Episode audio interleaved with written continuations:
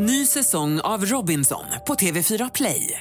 Hetta, storm, hunger. Det har hela tiden varit en kamp. Nu är det blod och tårar. Fan händer just nu. Det. är Detta är inte okej. Robinson 2024, nu fucking kör vi! Streama söndag på TV4 Play. Du lyssnar på en podcast från Expressen. Ansvarig utgivare är Thomas Mattsson. Då ska ni vara hjärtligt välkomna till Allt om bilars podcast. Eh, Jag kör ju lite intervjuer och eh, jag som intervjuar heter Jan-Erik Berggren. Idag har vi en väldigt exklusiv gäst får jag säga och eh, det är med stor glädje jag kan hälsa Mattias Ekström välkommen, en världsmästare. Och det var ju ett tag sedan vi har en världsmästare i bilsport i Sverige. Så Mattias, välkommen till podden. Ja, tack så mycket. Du, innan vi drar igång med min obligatoriska faktaruta så är det ju så att du sitter i en bil och kör och eh, för några veckor sedan så intervjuade jag Mikaela Olin Kotolinski som också satt i en bil. De här Audi-gänget, de ler, ger er aldrig ledigt eller? Nej, jag tycker att det är ganska kul att vara ute och jobba med. eh, Så det är aldrig något jag känner att jag lider av. Liksom. Jag tycker att det är kul att både köra racerbil och vara ute och jobba i stora lager. Ja. Det är ju så, liksom, alla vill ha något jobb i livet. Jag känner väl att eh, eh, mitt jobb har väl blivit, eh, kan man säga, lite annorlunda mot vad man kanske trodde när man började som racerförare. För det är ju, jag menar många ser när man kör tävling på söndagar men sen blir det ju sådana dagar som idag. När man ska åka iväg och testa en bil och göra någonting annat och det är inte så många som eh, eh, får reda på det. Så att, eh, nej, jag tycker att livet är rätt spännande som racerförare. Och då är det ingenting emot att sitta på en eh, motorväg i Tyskland igen? I en Golf som det var i det här Nej. fallet? Nej. Nej, jag är ute och åker lite hyrbil nu. Jag Ja. fick en, eh, en Golf. Så att eh, nu ska jag, nu, nu börjar ju tjejen här som pratar i navigatorn säga att det är bilkö.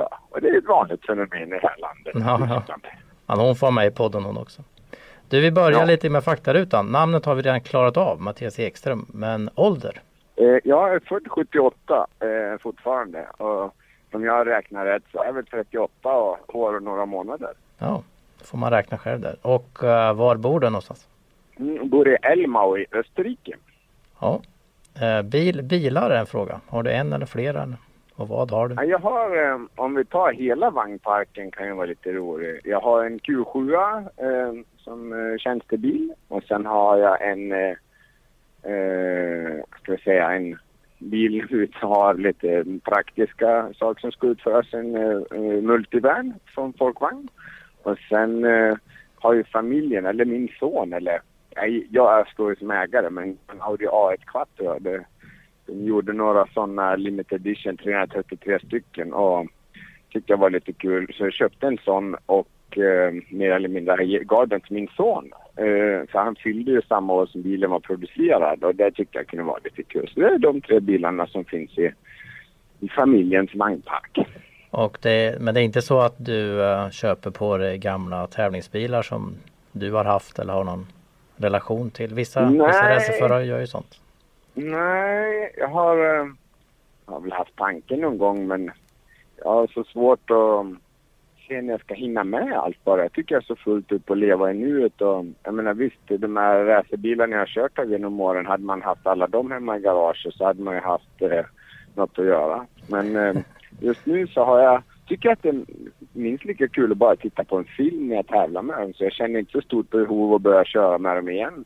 Eh, det är dels för att jag vet hur mycket arbete det kräver att hålla liv i gamla racerbilar och, och sen är det ju också så att prestandan på dem från dag ett tills idag har ju förändrats kraftigt. Jag tror inte jag skulle tycka att det var så spännande att köra heller. Man blir ju ganska bortskämd när man får eh, vara med och, och, i utvecklingen framåt hela tiden. Den här gamla STCC Forden som du började med i den serien. Ja, de här Ford Mondeo-bilarna där med V6. Visst, det var skönt ljud, men det var väl i stort sett det enda det var.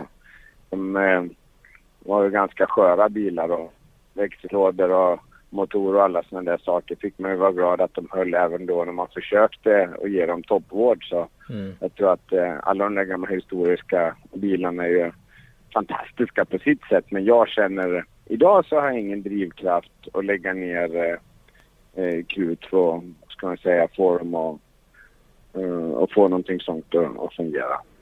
Men vem vet, det kanske ändrar sig. Ja, efter karriären kanske. Det är ju rätt så vanligt som sagt. Men du, vi har lite andra frågor Ja. här. Mm. Självkörande eller taxi? Vilket föredrar du? Ja, eh, jag älskar ju att köra själv. Och taxi kan jag säga att det, det har jag nästan... eh, Det sker nästan inte i mitt liv längre. Ja, någon gång ibland så kan det bli en Uber. Eh, för jag tycker att de eh, har ju faktiskt lite bättre koll på sina förare. Jag blir jag är så dålig att åka med. Jag blir så åksjuk och tycker att det är tråkigt. Så att, eh, ja, taxi. Inte typisk taxi om jag säger en, eh, en bil som är helt slut. Då kör jag hellre själv eller hittar på något annat sätt att flytta mig fram. Mm. Men självkörande var, var de här självkörande bilarna som, som ju är på gång Nej. allt mer. Ja, jag har ingen större attraktivitet till. Okej. Eh, Men de, ja, de, jag känner just nu att nej, jag har ingen jättelust för att men du har åkt med eller? av någon dator än. Du har åkt med eller? Jag har aldrig, nej, nej, jag har blivit tillfrågad flera gånger att åka med i de där självkörande bilarna. Men jag har ju sagt att jag kan ju bjuda den där självkörande bilen på en kurs någon gång så att han vet hur han ska köra. För skulle man kunna klona sin egen körstil, det vill säga om jag kunde köra, att han kunde förstå hur jag kör, Mm. så kan jag tycka att det skulle vara lite roligt. Men Det jag kommer inte man nog. kommer så långt än. Ja, det kommer Ja, nog det är faktiskt. klart det kommer. Ja. Jag kan nog programmera den här datorn för, som, som kör som det. Det finns ju en, um, en uppvisning som just Audi gjorde på Hockenheim tror jag va? När de styrde runt Ja, en men bil jag var där. Jag Ja. var där. Den körde väl rätt De snabbt frågade om jag ville åka med, men jag sa att jag klarar mig bra ändå. Ja, men visst gick det rätt fort runt ändå eller? Den höll Ja, hygglig tid? bilen går ju fort och allting. Så Mm. att nej, det var inga, absolut inga problem jag, vad man säger att det inte en kan. Det är klart den kan, men jag menar för mig så har ju bilkörning varit kombinerat med frihet, glädje och kunna någonting själv. Och jag förstår ju att det är många andra som har kanske önskan och behov och inte själv vill köra. Det är förståelse för. Men jag drömmer inte om självkörande bilar. Nej. Ja, om vi kommer in på lite annat här då. Backkamera eller backspegel? Ja, jag måste ju säga att jag tror inte jag har någon bil som inte har kamera längre. Nej. Eh, så att jag säger backkamera. Ja. Ferrari eller Lamborghini? Vilket skulle du välja? De har lite Ferrari olika... eller Lamborghini? Mm, de har lite Ja. olika stuk på varumärken. Ja. Eh, konstigt nog så har jag aldrig varit ett Ferrari-fan. Och eh, egentligen inte någon direkt Lamborghini-fan heller. Men om jag var tvungen att välja, om du sa att du får välja en av bilarna så får Ja. du en av mig. Då ska jag ta en Lamborghini. Ja. Alla andra tycker att Ferrari är så coolt. Och jag vet inte, jag skulle hellre ha en Lamborghini Huracan tror jag den heter. Ja, precis. Huracan. Eh, ja, ditt bästa bilminne? Bästa bilminne? Ja, eh, Det kan ju vara i tävlingssammanhang eller utanför. Eller? Mm, nej, jag tror att... Eh, jag menar, jag har upplevt så mycket på racerbanorna och eh, fått, eh, eh, ska man säga, fått eh, kombinera bilkörning med glädje på det sättet. Men eh, det blir lite orättvist för att, eh, att jämföra där. Men jag tror nog en av de, de bästa, mitt bästa bilminne det var när jag var DTM-mästare 2004 och jag fick en sån här lånebil utav eh, Audi som present som jag fick an- använda några år. Då hade jag en Audi RS4. Och det var första generationen Audi RS4 V6 biturbo. Och den bilen, den kommer jag minnas till resten av mitt liv. För det var, jag var ung, jag var lite vild. Jag hade liksom den drömleksaken och drömbilen då. Och det är nog faktiskt det starkaste bilminnet i mitt liv. Mm. Ja, eh, bästa musiken i bilen ifall du lyssnar på musik? Bästa musiken? Ja, jag, är, jag tycker att musik är kul men jag har alltid varit lite dålig på det för jag är engagerad för lite tid. Men eh, jag märker ju nu att det här med Spotify har ju förändrat mitt liv enormt. Så att nu, nu finns det ju, jag försöker ha någon spellista för vilken typ av mod jag är i. Som jag bara myser och, eller om jag åker lite, lite fortare så anpassar jag mig lite. Men jag tycker att eh, Eh, jag blir ju lite mainstream-människa och följer det som eh, människor gör. Men sen har jag min gamla goda låtar med Brian Adams och sånt här. Hur gammalmodig man än får låta. Men jag tycker att det är kul att lyssna på gammal sån musik som jag lyssnade på när jag var ung också. Mm. Så att... Eh, eh, Men du har alltså en, till att vara... Ja, du har en spellista lat, för lite snabbt. radio. Ja, lo- okej. Oj, oj, oj. När, jag- när jag är lat då blir det radio mainstream. Om jag har tid att engagera mig då tar jag gärna och spelar mina gamla favoriter. Så de flesta låtarna har jag, knyter jag ihop med någon händelse i mitt liv. Mm. Så du har, men du har alltså en spellista för lite snabbare svängar? Jajamän, Ja. jajamän. Och när jag ska bli glad. Ja, Ibland är man lite nere så här, det är något som inte går som man vill och då får man en spellista som man är lite glad. Det tycker jag är kul. du, äh, Jag tycker om att lura mig själv. Ja, okej. det är bra. Nu måste man ju säga att du har varit eh, glad en hel vecka va, minst? Efter den här Ja, fantastiska Och jag är fortfarande glad. Ja, jag har förstått det. Jag följer dig på sociala medier och förstår att du Mm. gärna är kvar i den här känslan. Hur har det varit den här Mm. veckan efter VM-segern? Som jag tror var... Senast jag kände, om man säger under tävlingshelgen var det mycket mer extremt än vad jag hade förväntat mig. Men om man säger framåt här, måndagen var bara lite, var jag mest trött.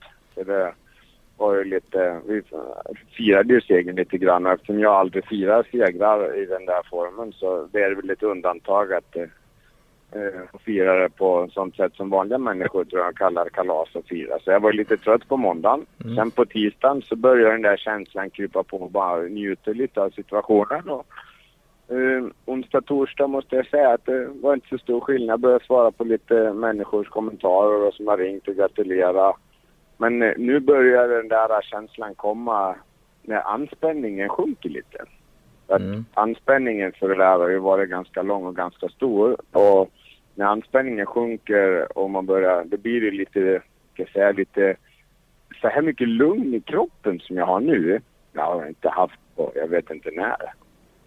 Det vill säga att kunna sitta på soffan och titta på en film gjorde jag med min eh, bästa kompis här om kvällen liksom. Det händer ju inte annars för jag är ju så jagad liksom och tycker Mm. jag ska slösa tiden på. Så jag kan säga att så lugn som jag har blivit i kroppen, det har jag inte varit på länge. Så förra gången det kändes något liknande var det nog när jag vann första DTN. När man kommer till mål till lugn och, ska man säga, det är ju som, man kommer till en platå i livet där man vet att ja, men här är det okej att stå still en stund och andas. Nu kan du Mm. kan vänta lite nu.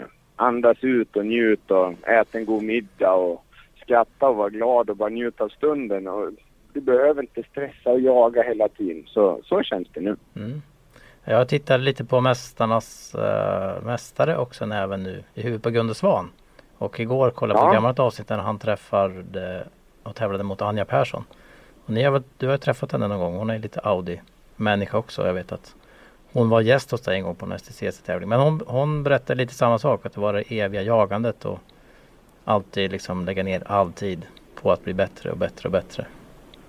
Men eh, jag förstår att det, det kommer en stund då när det, när det inte är där så påtagligt. nej men just nu, jag har inte återfått det än. Jag är på väg och som jag sa ska köra min DTM-bil nu. Men just nu, i den här sekunden, så är jag så lugn i själen som jag inte varit på jag vet inte när. Jag tror att jag, jag kan inte ens minnas när jag var så här lugn i själen. Nej. Men du kommer Och kunna slå på, det- slå på igen eller när det blir tävling? För ni är inte riktigt klara. Du, jag förstår att du gärna vill vinna märkesmästerskapet i rallycrossen också. Jo, såklart jag vill det, men det känns ändå som att de här tre veckorna bort känns ju som 30 år bort just nu. Mm. Jag vill ju inte att tiden ska gå, jag vill ju njuta av det här nu, så jag vill inte att tiden ska gå så fort. Det, på tal om gå fort, du märkte kanske att eh, din rival då, Petter Solberg. Han var ju oerhört snabb att lägga upp uh, tävlingskalender för 2017. Så Ja, han, han vill att det ska ja, vara ja. nytt år nu, ny chans. Han vill absolut inte njuta av stunden. Nej. Nej, man kan väl säga att eh, alla har ju sina sätt att mentalt ta sig vidare, men ja, just nu känner jag att nej, ja, jag njuter gärna av stunden och låter det gå slow motion några dagar nu. Mm. gå, börjar ju känna att ja, men äta en god middag, en för mycket hellre än en för lite och dricka en radlare på soffan och äta lite chips. Jag har gjort såna här saker jag nästan aldrig gör. Nej. Har jag gjort sista veckan här och bara få njuta liksom. Och jag känner att jag kan verkligen njuta nu för jag har lugnat ner mig själv så pass mycket Mm. så jag har faktiskt klarat av och det är jag mest stolt över att jag klarar av att njuta några dagar. Jag tänker fortsätta att njuta. Ja, det är det väl värd. Du, eh, om jag, vi som har följt dig genom åren här kanske undrar lite grann var, varför har det dröjt så länge innan du provade just rallycross? För det verkar ju passa dig så bra. Ja, det, jag tror att eh, jag menar, rallycrossen har ju alltid varit en, någonting stort i Sverige och Norge och så. Men jag tror att när IMG tog upp det och det blev i någon motor till det och att jag fick chansen där med Marklund-teamet och köra X-Games i Sverige så kände jag väl att ja, det här kan ju vara en början på något som är kul. Men det var egentligen ganska enkelt att säga att de där bilarna, de, eh, de är väldigt tilltalande att köra. Om man pratar om bara körglädje, om man struntar i hur fort det går eller eh, om man struntar i allting och bara säger om du bara får värdesätta körglädje på en bil. Hur kul är det att köra den här bilen? Mm. Och då är, har jag svårt att se att man kan ge mer poäng till en bil än vad en, eh, en rallycross eh, supercar får. Eh, självklart så några bilar är bättre eller sämre, men den kategorin av bilar är fantastiskt roliga att köra. Det är en helt enorm vilken körglädje det är. Och det var nog det som gjorde att eh, jag var tvungen att prova först innan jag insåg hur kul det var. För jag tyckte att titta på så förstod jag aldrig charmen. Men nu när jag fått kört lite mer själv så har jag blivit helt biten av det där. Och det är egentligen för att jag älskar att köra bilar som har mycket körglädje. Mm. Om du nu, nu har ju den här VM-serien eh, gått i tre säsonger om jag räknar rätt. Vad, tror du att det här eh, kan fortsätta utvecklas? Är det en Eh, blir det en succé? Vågar man säga det nu? Med rallycross och VM? Jag tror att det är fortfarande några saker som fattas för att det ska bli en, en världssuccé.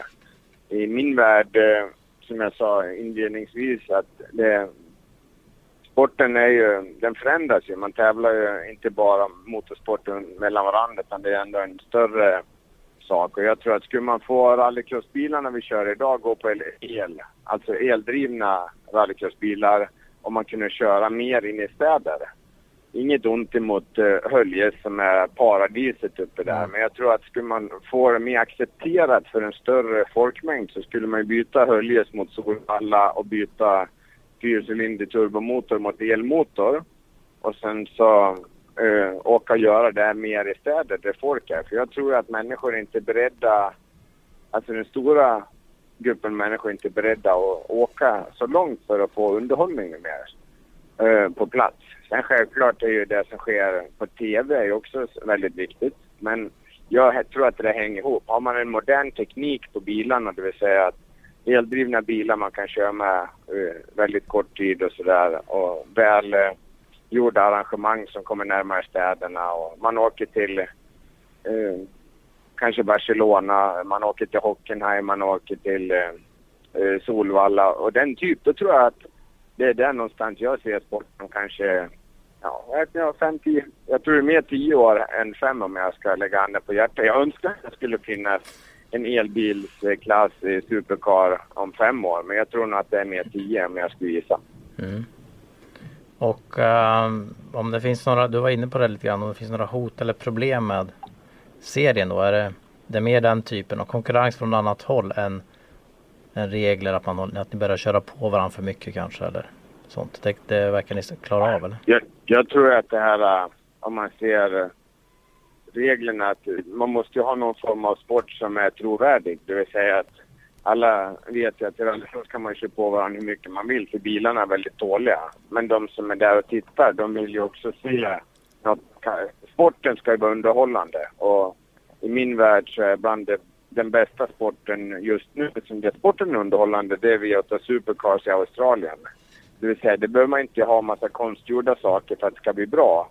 Utan de har väldigt tydliga sportsliga regler, väldigt enkla tekniska regler och sen eh, har de väldigt bra folk som är, man ska säga, berättar vad som händer så att det är väldigt lätt för alla att förstå. Mm. Och jag tycker att rallycross har mycket av de, eh, mycket av de grunderna där man kan säga att ja, men det där har ju alla förutsättningar för att lyckas.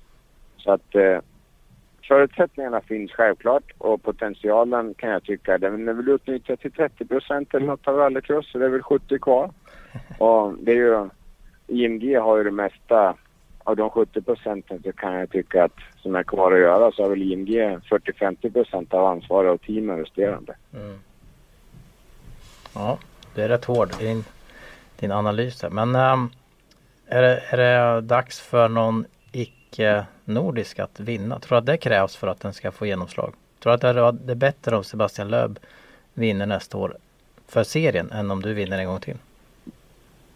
Eller spelar inte det någon roll? Ja, ja.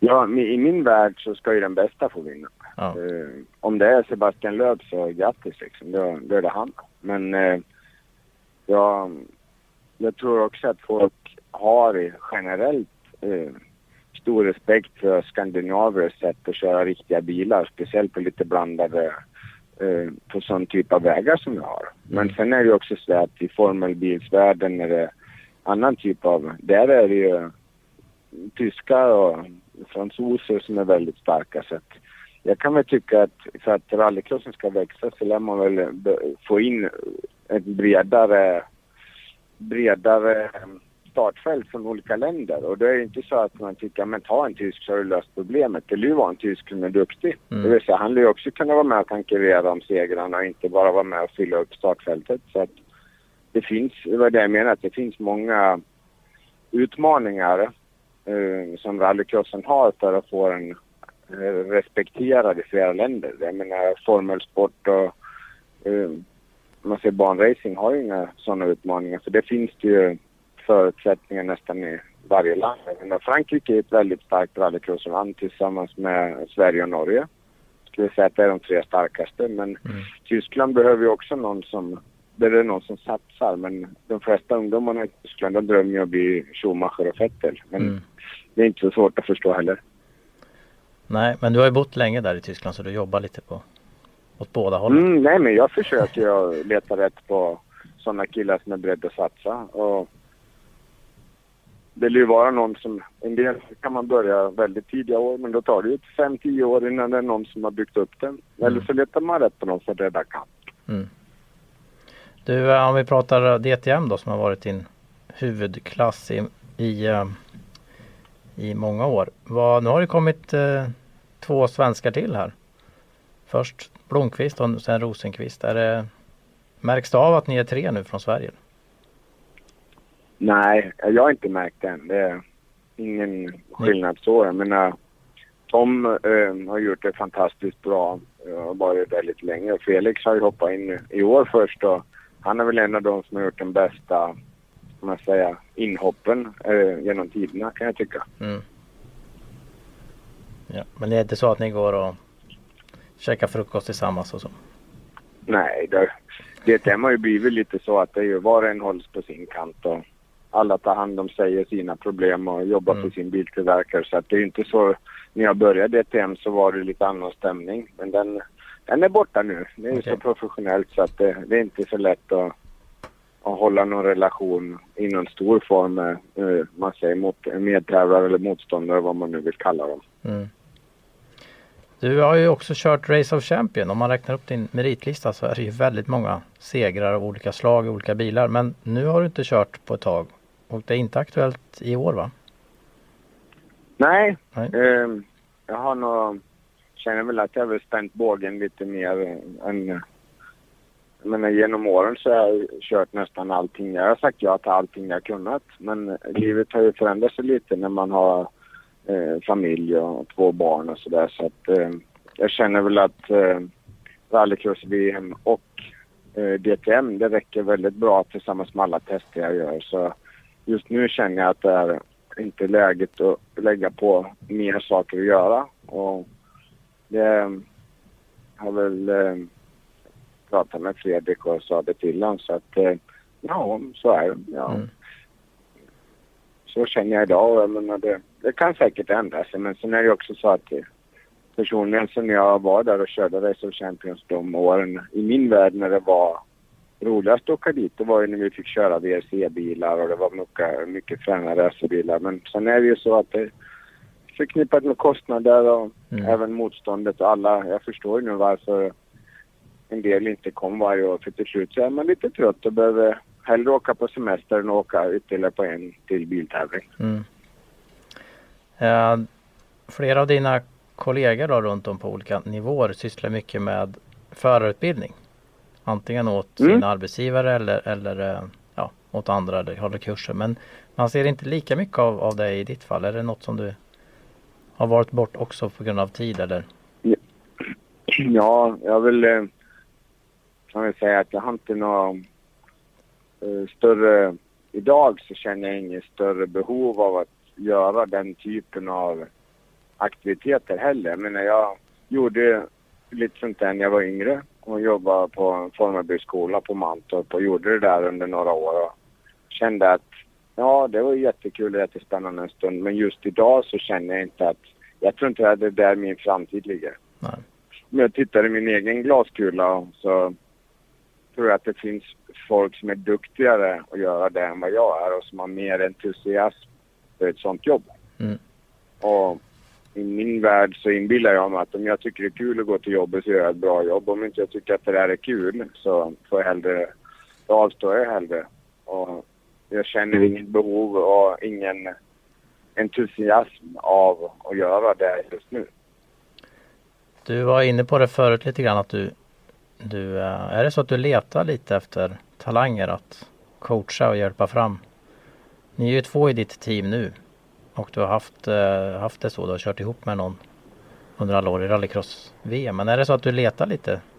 Du gärna vill hjälpa till Ja, jag- och få fram någon annan? Ja, men jag, ty jag tycker att det är kul att, att hjälpa eh, människor i stort. Men eh, som världen har, motorsportsvärlden om vi kallar den, har utvecklats nu så är det man måste ha en jättestor talang.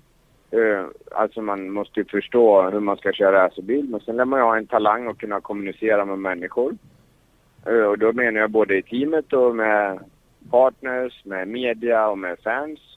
Och nu finns det så många sätt att kommunicera. Man kan lyfta telefonen, man kan skriva på sociala medier, man kan prata öga till öga. Ibland får man prata över teamradion. Mm. Eh, men att hitta människor som är, Eh, har talang att köra bil, som är duktiga att kommunicera och som förstår eh, att motorsport inte är en, eh, ska man säga, att en, det, är inget, det är inte som schack direkt liksom, men det kostar ju lite mer pengar och, eh, att köra och tävla i motorsport. Därför lär man ju förstå de kommersiella delarna också. Jag hävdar ju att de racerförarna som in, ja, ska man kategorisera lite här även om man kanske inte ska göra det. Men missförstå mig rätt, de bortskämda sönerna som har fått pappa att betala hela vägen. De kan ju vara duktiga att köra jätteförartalang och vinner och kan få en bra karriär.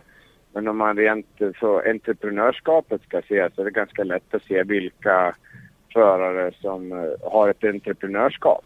Och jag märker ju det att jag tycker det är kul att jobba med dem som har ett stort entreprenörskap. Eh, för att det är lite så det är att skapa förutsättningarna för att vinna. Mm. Det vill säga bygga ett eh, team av människor eller göra aktiveringar och göra intressanta saker. Så att eh, har man, eh, har man alla, allting man önskar och man kan välja förare fritt i, som teamchef, då tar man den som kör fortast. Har man inte ekonomin som krävs, då får man ta en, en eh, entreprenör eh, som kan med och hjälpa till att fixa den där ekvationen och hoppas att de är tillräckligt duktiga att köra. Så att det finns ju lite det finns lite blandat men eh, jag ser i alla fall och analyserar både kollegor och medtävlande och eh, unga människor på ett annat sätt än jag gjorde när jag var ung. Mm. För då var det inte samma ekonomiska tryck som det är idag. Men är det så att de står på kö nu och vill köra med dig nästa år? Klart att eh, önskelistan av, eller säg så här, det är fler som har hört av sig än vad det varit tidigare år. Det är ju roligt för det är också ett kvitto på att det är några som lägger märke till vad som har gjorts som team och även vad jag har gjort som förare. Så att eh, vi kan ju tycka att det är eh, ett betyg att många ringer och frågar såklart. Men sen är det ju för att ro sådana här projekt i land på den nivån vi har gjort nu så är ju en viktig del att man har en biltillverkare i ryggen eh, som är med och hjälper till och, och har några bra, några bra, någon eller några bra huvudsponsorer. Och i dagsdatum så har jag haft, eh, under de här första tre åren så har vi haft några som har varit lojala med oss från start. Och det är jättekul att ha eh, sådana som vill vara med och satsa och kunna vinna sen så att alla får lite utväxling eh, för, för sin investering Det är ju fantastiskt. Men så, det är likadant från förarens sida också att det krävs en stor uppoffring idag för att nå ända fram. Och tittar man på vilka du ska slå i rallycross-VM för att bli världsmästare och så börjar du läsa Löb, han har vunnit nio VM-titlar, Solberg tror jag har vunnit tre, nu har jag vunnit en och två DTM och lite blandat. Så de tre killarna måste du slå för att få en medalj i rallycross-VM. Mm. Eh, Då kan man säga att ja men det är inte så svårt. Nej, det kanske inte är, men man måste i alla fall göra det. Och så länge de tre är där så kommer det inte vara någon som får någon VM-medalj eh, till skänks i alla fall. Det vet jag. Nej. Ja men det är b- angenäma problem då inför nästa år. För att jag räknar med att du tänker försvara titeln. Ja, jag menar som det är just idag så har vi ju alla våra avtal går ut nu när året är slut. Både som teamchef och som förare. Det vill säga att vi har ju planerat allting i tre år och nu, nu blir det ju nystart om vi ska eh, fortsätta. Då lär vi lägga upp en ny plan liksom. Hur, hur lång tid ska det vara på? Så bara fortsätta ett år till, det känns inte aktuellt. Utan eh, jag kan säga minst två år till eh, är det som är aktuellt om vi ska fortsätta. Och eh, då har du fortfarande avtal med DTM då misstänker jag i några år till eller? Ja, så jag säger, men min relation med Audi den är, den är i alla fall så bra den kan vara. Och vad det leder till det vet jag inte än för det är fortfarande lite turbulent som jag brukar säga. Det är lite turbulent på firman. men eh, Ja, då pratas det om att de kommande går, veckorna... ja, det ser bra som att de går ner i antal bilar kanske alla. I DTM alltså. Jo, jag menar om man, eh, om man inte har tvättat öronen eh, sen i somras någon gång där, så kan man i alla fall känna på vibbarna att det kommer ske förändringar. Vad det exakt kommer bli det återstår att se men alla spekulerar ju om färre bilar i DTM och allting står upp för, för prövning om det ska Mm. Vad, det, vad de ska satsa sina pengar på, vad de ska marknadsföra sig framåt. Och det är ju rallycross ett alternativ och det är Le Mans och det är DTM och det är Formel E så att det Mm. finns ju mycket att välja på också. Du, jag, vi har varit inne på lite grann om sociala medier som där jag tycker att du också på, precis som du har varit mycket med att- bygga team och, och vara före, en föregångare. Är det någonting som du har eh, tänkt speciellt mycket på och gjort en plan även där? Det verkar som att du är väldigt planerad. Jo, nej men vi har ju försökt, eh, både, jag menar både med, vad ska jag säga, jag själv privat och eh, teamet har vi försökt för man går ju till sig själv och så säger man så här, men vad vill du själv stå för? Vad kan du stå för? Och jag tycker alltid har varit kul. Alltså, jag har ju varit lite motorsportnörd och man vill berätta lite vad man gör och ja, lite diverse sådär. Men sen eh, om man tittar på den eh, det vi har åstadkommit idag så handlar det väldigt mycket om bilar, biltävlandet och det livet jag lever om man säger.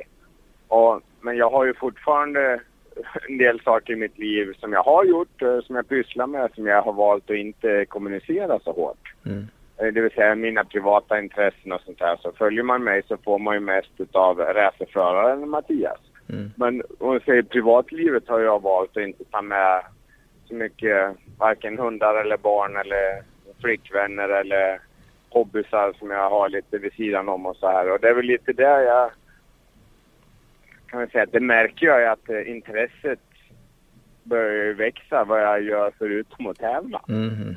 Och det är väl det enda jag märker när jag tittar på Ken Block eh, som är, eller Lewis Hamilton. De använder ju, de, de lever ju hela, lever ju ut hela linan med allt från vad de har för kläder och vart de är någonstans och festen och fester eller om det är, ja det kan vara i stort sett vad som helst. De går till gymmet eller ja. Det är mycket bara, det- är mycket bara överkropp på Lewis Hamilton. Jo, nej men du vet vad jag menar. Ja. Eh, jag har, man lär ju också fundera på, ja men vill man verkligen pyssla med det där? Alla som känner mig de vet att jag är väl speciell på mitt sätt och han är speciell på sitt sätt. Och jag går väl och funderar på om jag ska ge mer av mig själv och jag vet ju Mm. att det, det tar ju lite krut och lite energi att göra det. Men jag vet ju också att det finns eh, efterfrågan på att folk vill veta mera. Mm. För det är väl det enda. Jag är också som människa väldigt nyfiken själv. Så jag tror att om jag skulle vara ett fan till mig själv, alltså Ja, ja. om jag nu Alltså. inte ett, eh, då skulle jag också vilja veta mer. Men och bara se de där bilderna när ni åker och tävlar liksom. Vad, vad gör du mer liksom? Vad händer mer i ditt liv? Och det är väl lite sådana saker som jag går och funderar på om jag ska... För tar man upp det spåret då lär man ju vara beredd att leva det också. Mm. Och sociala medier har ju sin charm att eh, man kan eh, sprida ganska fort. Är det någon som tycker det är kul så sprider det sig fort. Och jag gör nog tillräckligt mycket stolligheter privat för att jag kanske skulle attrahera en annan publik också. Mm. Men du hade en plan för fem år sedan att, att det var så här, du Ja, skulle utnyttja självklart. sociala medier? Och, Jo, jo, nej men jag, jag var ju absolut inte först. eh, Utan jag gick med eh, och väntade på att se men hur stort kommer sociala medier och vad kommer det ha för påverkan? Och jag Mm. kan väl säga att när rallycrossen började och tog vidare, det var också då mitt intresse. Jag insåg att ja, men det där kommer ju vara perfekt för rallycrossen, sociala Mm, medier, mm. för att det är den typen av tävling. Och då tog jag även upp spåret lite allvarligare själv. Och sen när man får lite flera partners som också uppskattar att man gör det, och man, då, då blir det lättare om någon säger kul att du jobbar att det blir bra liksom. Ja, då är det ju roligare att jobba också. Och sen får man lite beröm av fans och sådär. Då blir det ännu enklare. Men får se hur jag kommer att fortsätta. Men som det känns just nu så kommer jag nog säkert att lägga till någonting mer och dela någonting mer med mina fans. Kanske inte på alla, alla kanaler jag gör, men på någon kan jag nog vara Mm. beredd att, att, att dela mer utav mig och mitt liv eftersom jag märker att det är uppskattat. mm. ja, du var ju väldigt tidig med att ha egen eh, fotograf och med dig ut på tävlingar och så här som, som tog bilder och Jo, nej, filmade men och klippte. Alltså du, nu, när du, det var väl när du var i Värmland och körde Svenska rallyt så hade du egen kille med där Jo, som, nej, som vi- delade ut Ja, ja, mejlade ut på det, den tiden. ju- Jo, men den, på den tiden så... Jag, jag tror ett av mina största problem att jag var lite för tidig med att vara entusiastisk över det där sättet att jobba. Mm. Och jag kommer ihåg när vi började klippa ihop vår första eh, Svenska rallyt 2004 var det. Mm. Vi klippte ihop eh, med bilder och vi hade fotograf och vi gjorde en, en DVD och skickade ut med en påse bilar till alla Just som var med och hjälpte oss. Och då var vi så långt, långt, långt före våran tid. Och jag kände att nej, det där var det så uppskattat liksom. Det var ingen... Det, det var ju...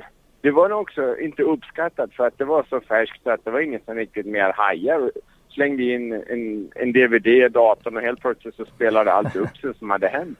Ja. Eh, så jag tror att jag var lite för tidig med att vara entusiastisk i det där. Sen tappade jag lite av entusiasmen för jag tyckte, ja men är det inte mer än så det eh, tas emot då tar jag lite lugnt. Mm. Sen kan man säga att när världen sen tog vid då var, då var inte jag med. Så kan säga så här, jag gjorde en tjuvstart och sen var jag inte med vid omstarten. Men eh, nu har jag i alla fall hängt på igen. Så om man Ja, säger, precis.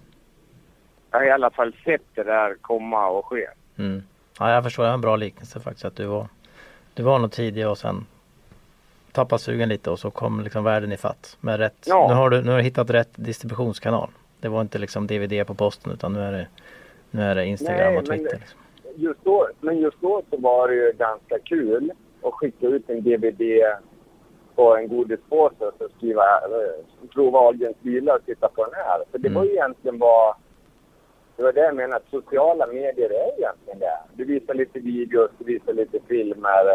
Eh, Den enda godispåsen där får man inte någon när man är med på Instagram idag. Men Nej, är det var egentligen inget annat jag gjorde. Det var ju det bara hur informerar man människor? Mm. Och jag tror att om jag skulle skicka en DVD och göra en favoritrepris, skicka en DVD eh, och en, ehm, en DVD och en påse bilar. Jag tror det låg en keps, eh, om jag inte missminner mig, och tacka för hjälpen så fick de se vad vi hade gjort. Skulle jag skicka det idag, då skulle nog folk tycka att man var lite knäpp, men de skulle nog skratta och tycka det var kul liksom. Ja. Den skulle Om du tänker, det gjorde jag 2004, det är, Ja. det är 12 år sedan nu. Ja. ja, det är otroligt. Är det något som ni pratar om inom rallycross-svängen? Alltså teamen, förarna, arrangör? Uppmanas ni att göra mer eller är det helt, helt och hållet på eget bevåg? Alla gör ju det man själv tycker är behagligt och sen alla försöker ju marknadsföra sig på det där sättet eftersom sociala medier tror jag, jag tror att det är framtiden för eh, eh, dit vänder du om du vill ha något.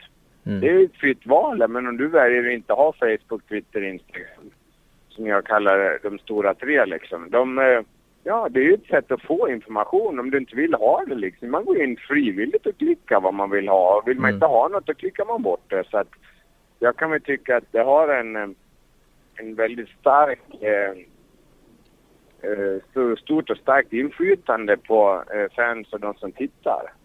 Så att eh, jag tror att det där kommer eh, vara, vara någonting bra framöver också. Men jag är fortfarande säker på att det, det saknas ju någonting och det är den här... äh, I min värld så den som kommer vara först att att göra en app som heter live-tv mer eller mindre. Där du bara har en app, trycker, så väljer du vilket land du bor i och sen trycker du vilken kanal du vill titta på eller någonting och så att du kan titta på tv helt fritt i telefonen. Mm.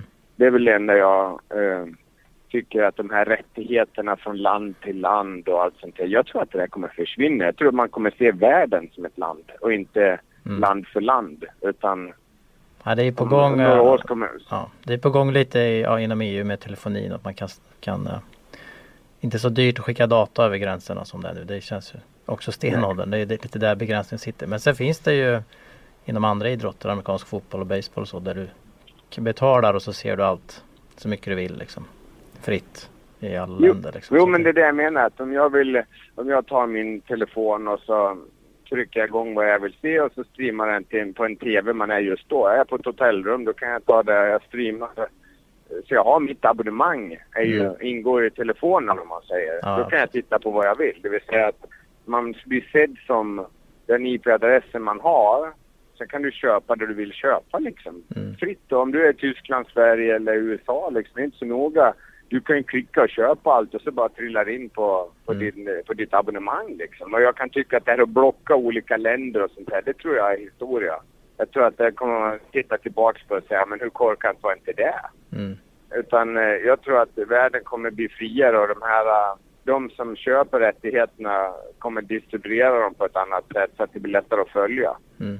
Ja, det pågår ju stort inom, inom Formel 1 nu som har fått nya ägare att de pratar om hur man ska göra det här smartare och bättre. Och som du sa där, IMG Mm. har väl då 70 av eller vad 50 sa du? 50 som de hade hand om utvecklingen av rallycross-VM. Så de har lite att fundera på. Jo, nej men det är ju så. De som är, jag tror också att de som vågar investera pengar i eh, och ta hand om sina fans, det är de som kommer att vinna fansen också. Mm. Och det är väl lite där ibland som jag eh, blir lite...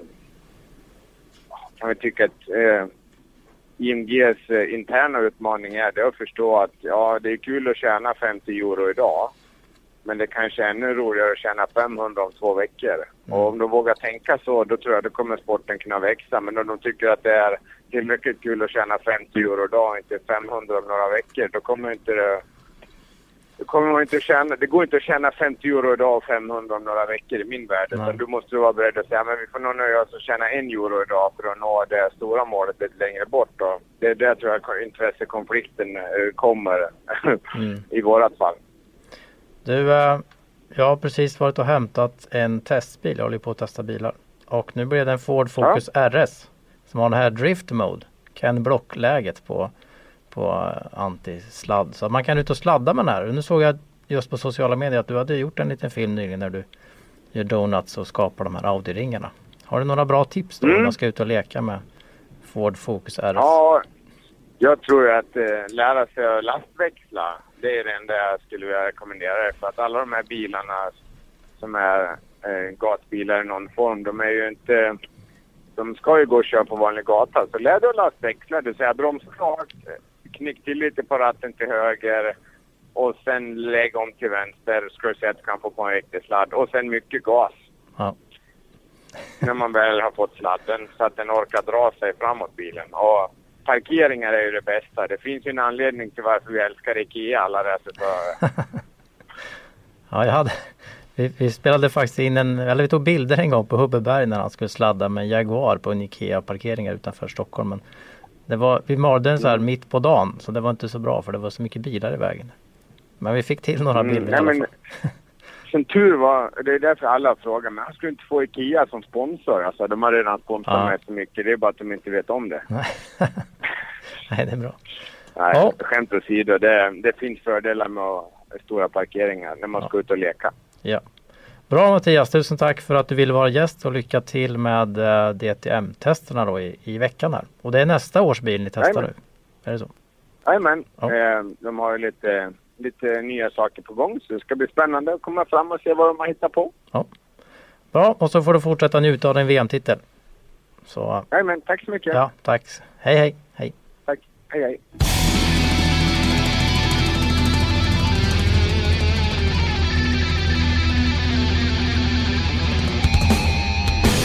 Du har lyssnat på en podcast från Expressen. Ansvarig utgivare är Thomas Mattsson. Ett poddtips från Podplay. I fallen jag aldrig glömmer djupdyker Hasse Aro i arbetet bakom några av Sveriges mest uppseendeväckande brottsutredningar. Går vi in med hemlig telefonavlyssning och, och då upplever vi att vi får en total förändring av hans beteende. Vad är det som händer nu? Vem är det som läcker? Och så säger han att jag är kriminell, jag har varit kriminell i hela mitt liv men att mörda ett barn, där går min gräns. Nya säsongen av Fallen jag aldrig glömmer på Podplay.